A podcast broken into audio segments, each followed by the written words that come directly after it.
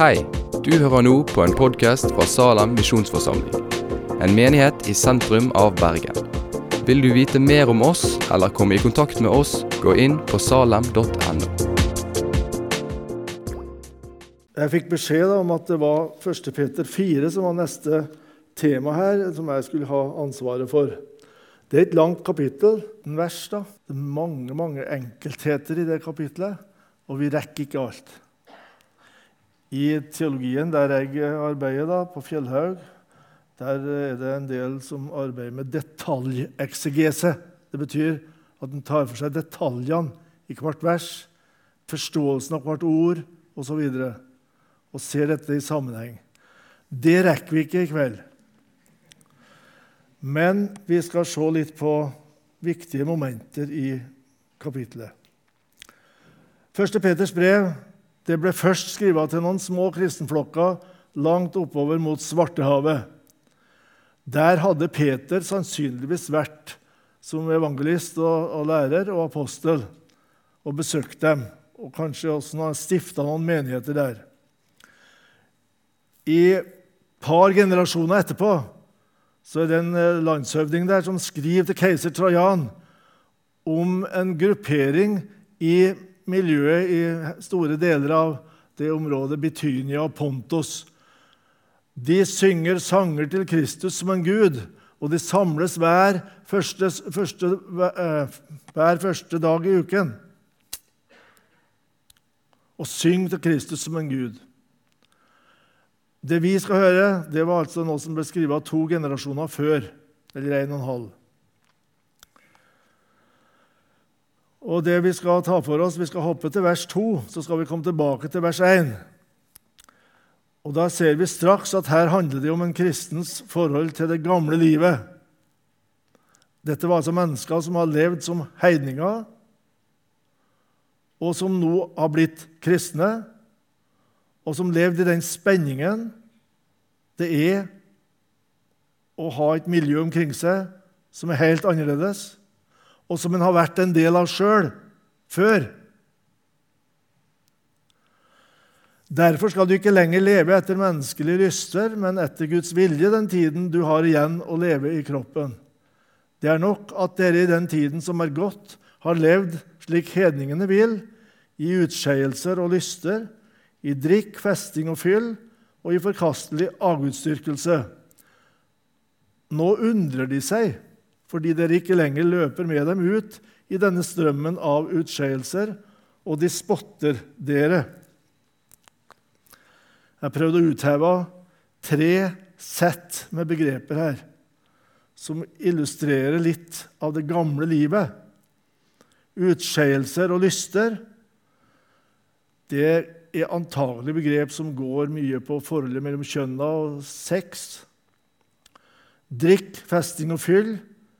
Der er alkohol en ingrediens som er dominant. Og forkastelig avgudsdyrkelse det kan være både avgudsdyrkelse i betydningen tilbe avguder, men det kan også være eh, det som følger med avgudsdyrkelsen. Forkastelig, står det her. Eh, det miljøet omkring og de mange forestillingene som rådde, f.eks. knytta til astrologi, stjernedyrking, horoskop Dette er eldgammel religiøsitet, dette her, som vi kaller nyreligiøsitet i Norge, kanskje. Eh, spiritisme og så, sånn type religiøsitet. Alt dette her, de tre settene med begreper, farga miljøet når, de, når folk skulle slå seg løs og feste. Og så står det her at uh, de kristne de har en annen kurs for livet. De er kalt til et annet liv. Til å velge bort en del ting her som hører kulturen til. I misjonen er det alltid sånn at det er visse trekk i en hvilken som helst kultur som det blir konflikter i forhold til. Det er det også i Norge. Og Det må du bare besinne deg på sjøl. At du kan ikke sluke alt i kulturen. Det er visse ting du må bryte opp ifra. faktisk si et nei til. Men her var dette veldig påtrengende, og det var så markert forskjell at de ikke-kristne undra seg. Hva er det som har skjedd? Hva er dette for noen ting? Hva slags verdisett er det som har kommet inn og begynt å prege livet til disse folka? I 2016 så var jeg med på en russetur til Spania. Etter, etter 46 år. To av oss har ikke møttes på 46 år. 1970 var vi russ. Og vi hadde det veldig kjekt i Spania. Stort sett gikk det veldig bra. Og så overhørte jeg en samtale, og noen av dem sa det rett ut til meg. Vi forventa ikke at du var med på alt sammen. De huska det, at jeg var ikke med på alt. Vi var gode busser, gode venner, men det var ting som jeg fordi jeg hadde den oppveksten jeg hadde, og den trua jeg hadde, og den forankringen jeg hadde, skjønte at hvis jeg blir med på det, så får jeg ond samvittighet. Og så svikter jeg mitt kall. Og så gjorde jeg det ikke. Og de sa vi har heller ikke forventa at du gjorde det. Andre i det miljøet, kristenrussmiljøet som jeg var i mest, fikk merke dette litt mer. F.eks. spott de spotter dere. Det er ikke bare forundring. Hva er det for noen ting? Men det er litt sånn tommelen ned. Det var veldig interessant å prate om dette etter 46 år. Nå er det annerledes å være ung, men fenomenet å bryte opp ifra noen ting, det er der fortsatt. Peter har ikke bare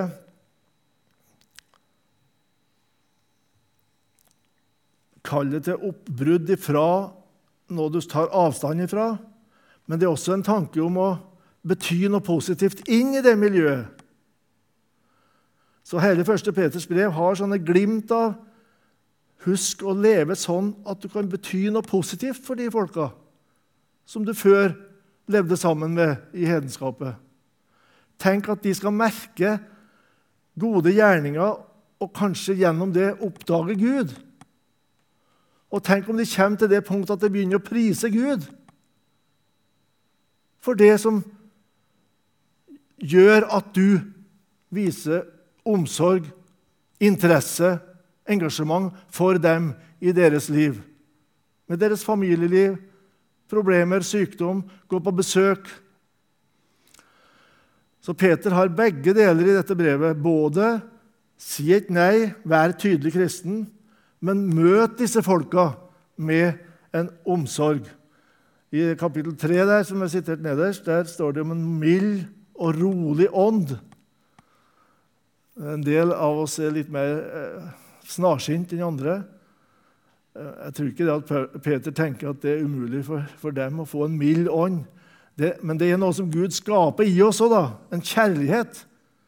Vi sang mye her nå om hva Gud har gjort for oss. Og dette smitter inn på oss. Det, det, gjør noe med oss at Gud er så god imot oss. Og så får det betydning for vår måte å møte medmenneskene på. Å gjøre det gode, sånn er det aller siste verset øverst der i kapittelet.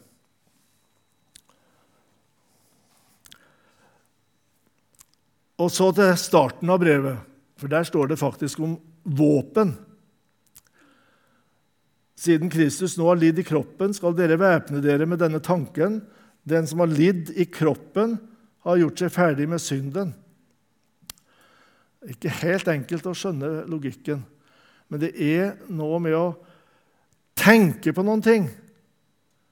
og den tanken kan bli et våpen. At Kristus har dødd. Han døde for oss. Han døde for synden, men han døde også fra synden. Og så involverer han oss i begge deler. Det Kristus har dødd for. Han døde for synden for at du skal bli et tilgitt menneske.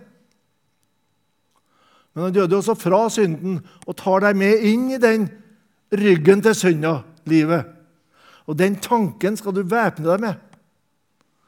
Hver dag å tenke Jesus Kristus, han lei døden i kroppen.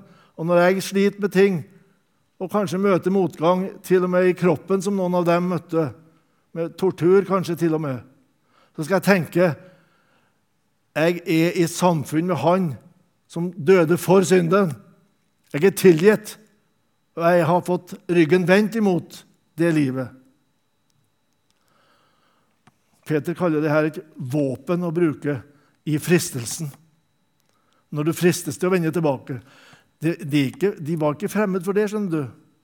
Det aner vi gjennom brevet, at det fantes kristne som har noen erfaringer fra det gamle livet knytta til lystne. Og terskelen var ikke høy.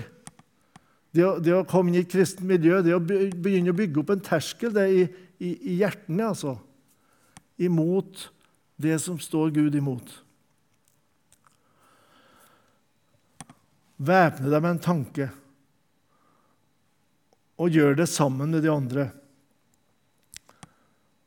I Romerbrevet 6, 11 er nøyaktig samme logikken. På samme måte skal dere regne dere som døde for synden. Altså en regnemåte. Et våpen. Jeg er død for det livet der. Jeg kan ikke tjene djevelen og tjene synden og verden når jeg nå tilhører Gud. Som vi sang her i starten. I'm a child of God. Ikke hvem som helst. Han har I'm chosen. Han har valgt meg ut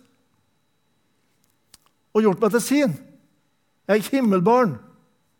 Det passer ikke for meg lenger å, å flørte med, med, det som er Gud imot, og som sårer Guds hjerte når han er så glad i meg, og har rakt meg handa gjennom Jesus.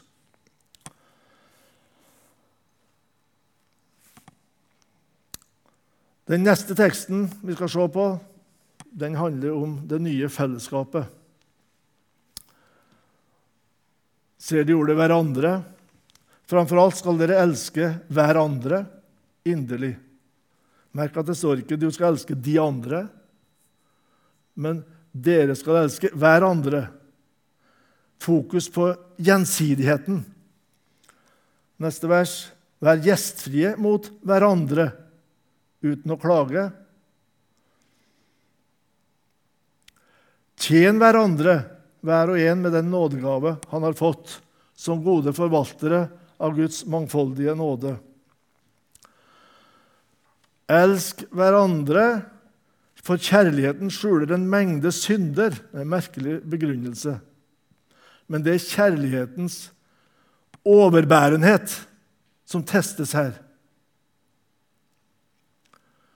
De andre er ikke bare annerledes enn du, men det hender at de også har feila, at det er litt pladask, at det er noe som irriterer deg. Kjærligheten skjuler en mengde synder. Ja, Det betyr ikke det at en ikke skal bry seg om det. Av og til må det skje et oppgjør. Men du skal tenke sånn som Jesus sa, den som er uten synd, kaster den første steinen. Når når du ser en bror eller søster som falt, Gå ei med dom forbi. Kjærligheten skjuler en mengde synder. Husk at du sjøl er en sånn en i hjertet ditt, det gamle mennesket som du har vendt ryggen til, men som er der. Kanskje at også for deg det gikk galt om du ble fristet som de. Det skal være utgangspunktet ditt når du møter medkristne med kjærlighet, også de som er nye på veien, eller som har på en eller annen måte spora av eller fått et fall. Kanskje må du snakke alvorlig med dem, men ikke med den dømmende ovenfra og ned. Elsk hverandre, for du har kanskje behov for det sjøl.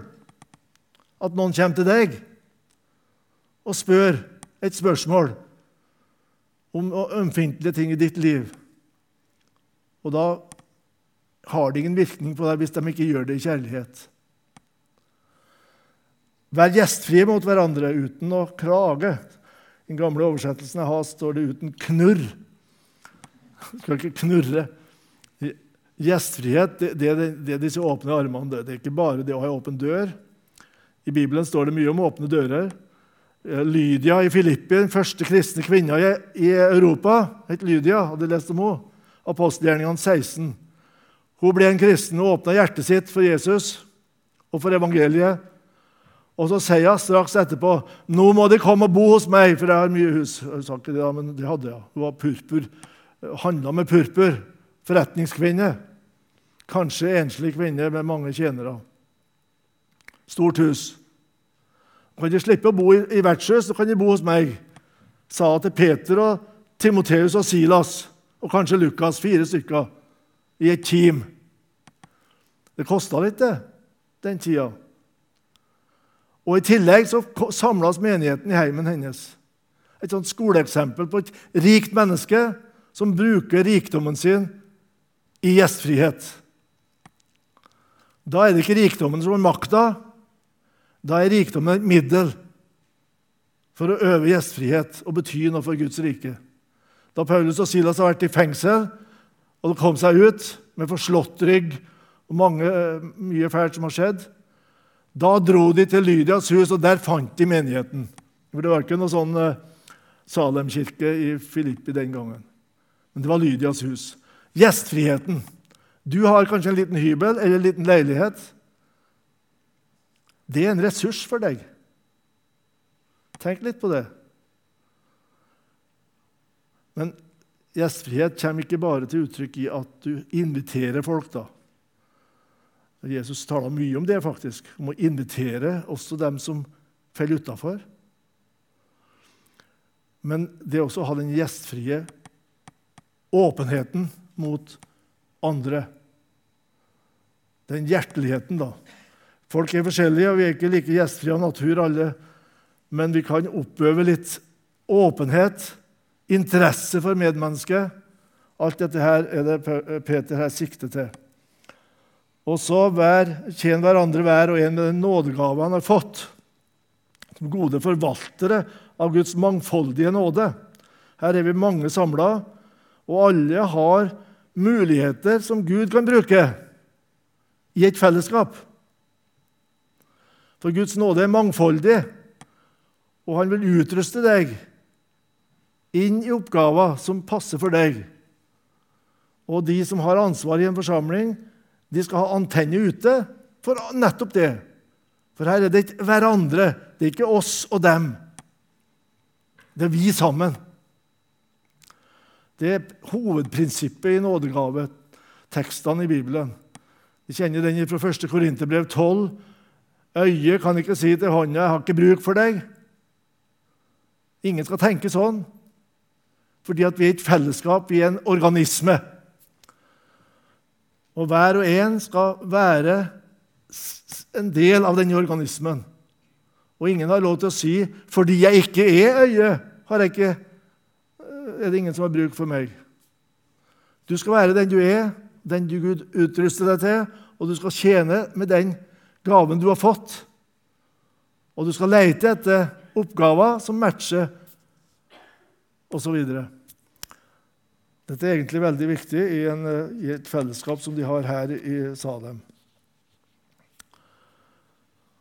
Og Målet er at Gud skal bli æret i ett og alt ved Jesus Kristus. For ham tilhører æren og makten i all evighet. Det er slutten av det nådegaveavsnittet her i dette kapitlet.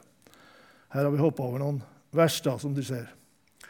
Men det er noe med at vår felles virksomhet skal være til ære for Gud.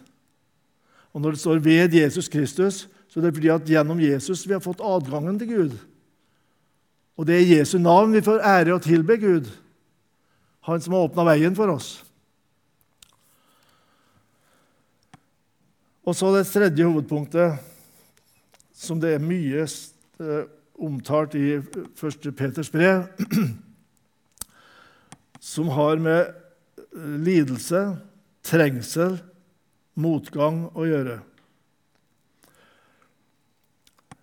Mine kjære, vær ikke forundret over den ildprøven dere må gjennom, som om det hendte dere noe uventet.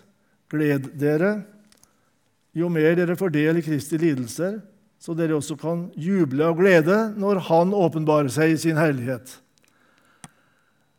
For oss er det nesten frimodig å skrive sånn da, til lidende kristne. Peter kunne gjøre det, for han har sjøl gjennomlevd det ganske tøft. Og han ble til slutt korsfesta opp ned. Men det er noe i dette her allikevel, altså. At vi kan se høyere opp og se lenger fram når det er mørkt og tungt, og når påkjenningene er der. Og her helt konkret når politiske myndigheter eller familien eller medmennesker på jobben gjør det vanskelig for deg fordi du er en kristen. Nå skal vi ta en liten parentes. Fordi det var en del kristne i dette området som var døde ifra Peter har vært der. Og dette verset her, det signaliserer det. Derfor ble evangeliet forkynt også for de døde, for at de som i kroppen ble dømt slik mennesker dømmes.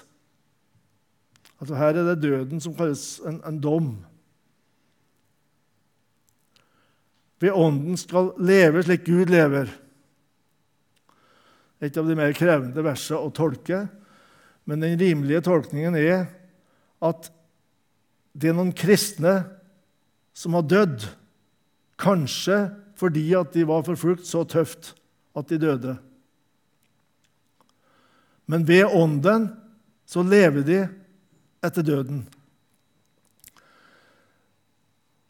I kapittel 1, vers 9 så står det om et endemål at Gud vil frelse våre sjeler. Uh, I går var jeg på en båreandakt. Det har jeg hatt bare to ganger i hele mitt liv, eller tre. Uh, den nærmeste familien, det var faktisk 25 stykker, tenker jeg, omkring ei kiste. Og han som var død, var 101 år gammel. Så det var ikke noe uventa dødsfall. Men jeg kjente han så godt at jeg kunne sitere to salmevers om akkurat dette her. For denne dobbeltheten ved at det kristne håpet tar sikte på at vi, når vi dør, kommer til Gud. Lasarus kom i Abrahams fang. Og i kapittel 5, eller er det uh, et av de kapitlene her i 1. Peter, så står det om at så lenge dere er i kroppen Underforstått det kan komme en tid da dere ikke lenger er i kroppen, altså at legemet dør. Og Da skal du ikke frykte for hva som skjer, for da er du hos Gud. Jeg vet meg en søvn i Jesu navn. Den kveger de trette lemmer. Der redes en seng i jordens favn, så moderlig hun meg gjemmer. Min sjel er hos Gud i himmerik, og sorgene sine glemmer. Det sa jeg til enka i går. Og hun var enig, og hun var glad. Og barna og barnebarna og noen oldebarn. Og så er det enda et vers lenger ut i den salmen som han som var død, var glad i. Jeg vet med en morgentime skjønn, der synges i livsens lunder. Da kommer han Guds velsignede sønn med lystelig ord i munne. Han sier, 'Du døde, kom her ut', og frem vi forklaret føres. Det kristne håp har denne dobbeltheten. Hvis vi skal dø før Jesus kommer igjen, så er det nok vondt og smertefullt, både for den som dør ofte, og for de nærmeste. Men en kristen som dør i trua på Jesus, han har livet, som Jesus sjøl sa. Om han enn dør, skal han leve. Og Da er du hos Gud etter døden. Mange av dere har mista besteforeldre eller oldeforeldre som er troende. Så kan de vite det. Men så er det endelige målet som er poengtert her i disse tekstene, når han åpenbarer sin herlighet, er når han kommer. Og da de døde skal oppstå, og alle som tror, får oppstå til livet. Da forenes kropp og sjel, for å bli, bruke den gamle formuleringen på dette her. Og kroppen blir ny, blir udødelig og uforgjengelig. Og uten sykdom og uten smerte og sorg og tårer. Og uten muligheten for å synde. Det skal du oppleve en gang i framtida. Ha fokus der når det er mørkt for deg. Det har mange lidende kristne hatt gjennom alle tider.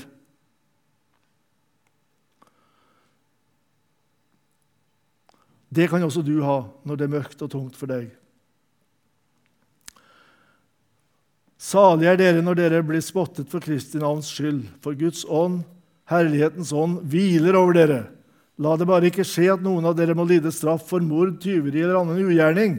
Det var jo ikke uvanlig i det gamle miljøet. Eller for å ha blandet seg opp i andre saker.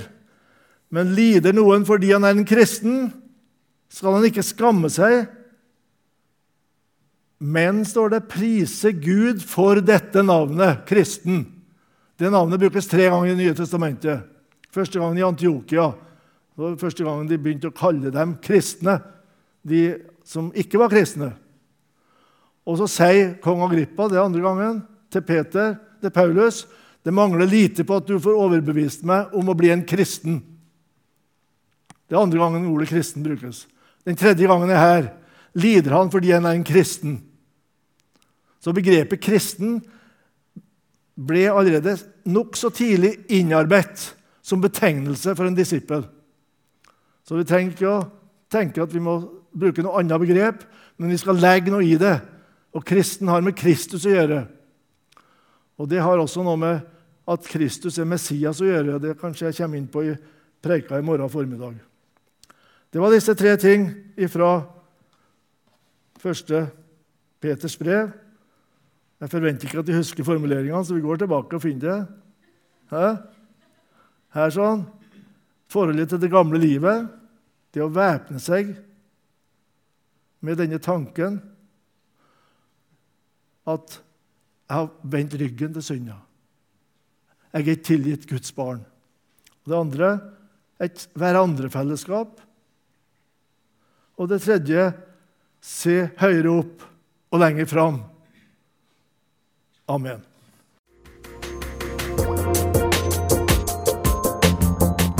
Takk for at du har hørt på podkasten fra Salem, Bergen. I Salem vil vi vokse i et stadig dypere fellesskap med Gud og med hverandre. Vi vil være Jesu hender og føtter, og vi vil være med å forkynne frelse for Bergen og resten av verden. Besøk oss gjerne på salem.no om du vil vite mer.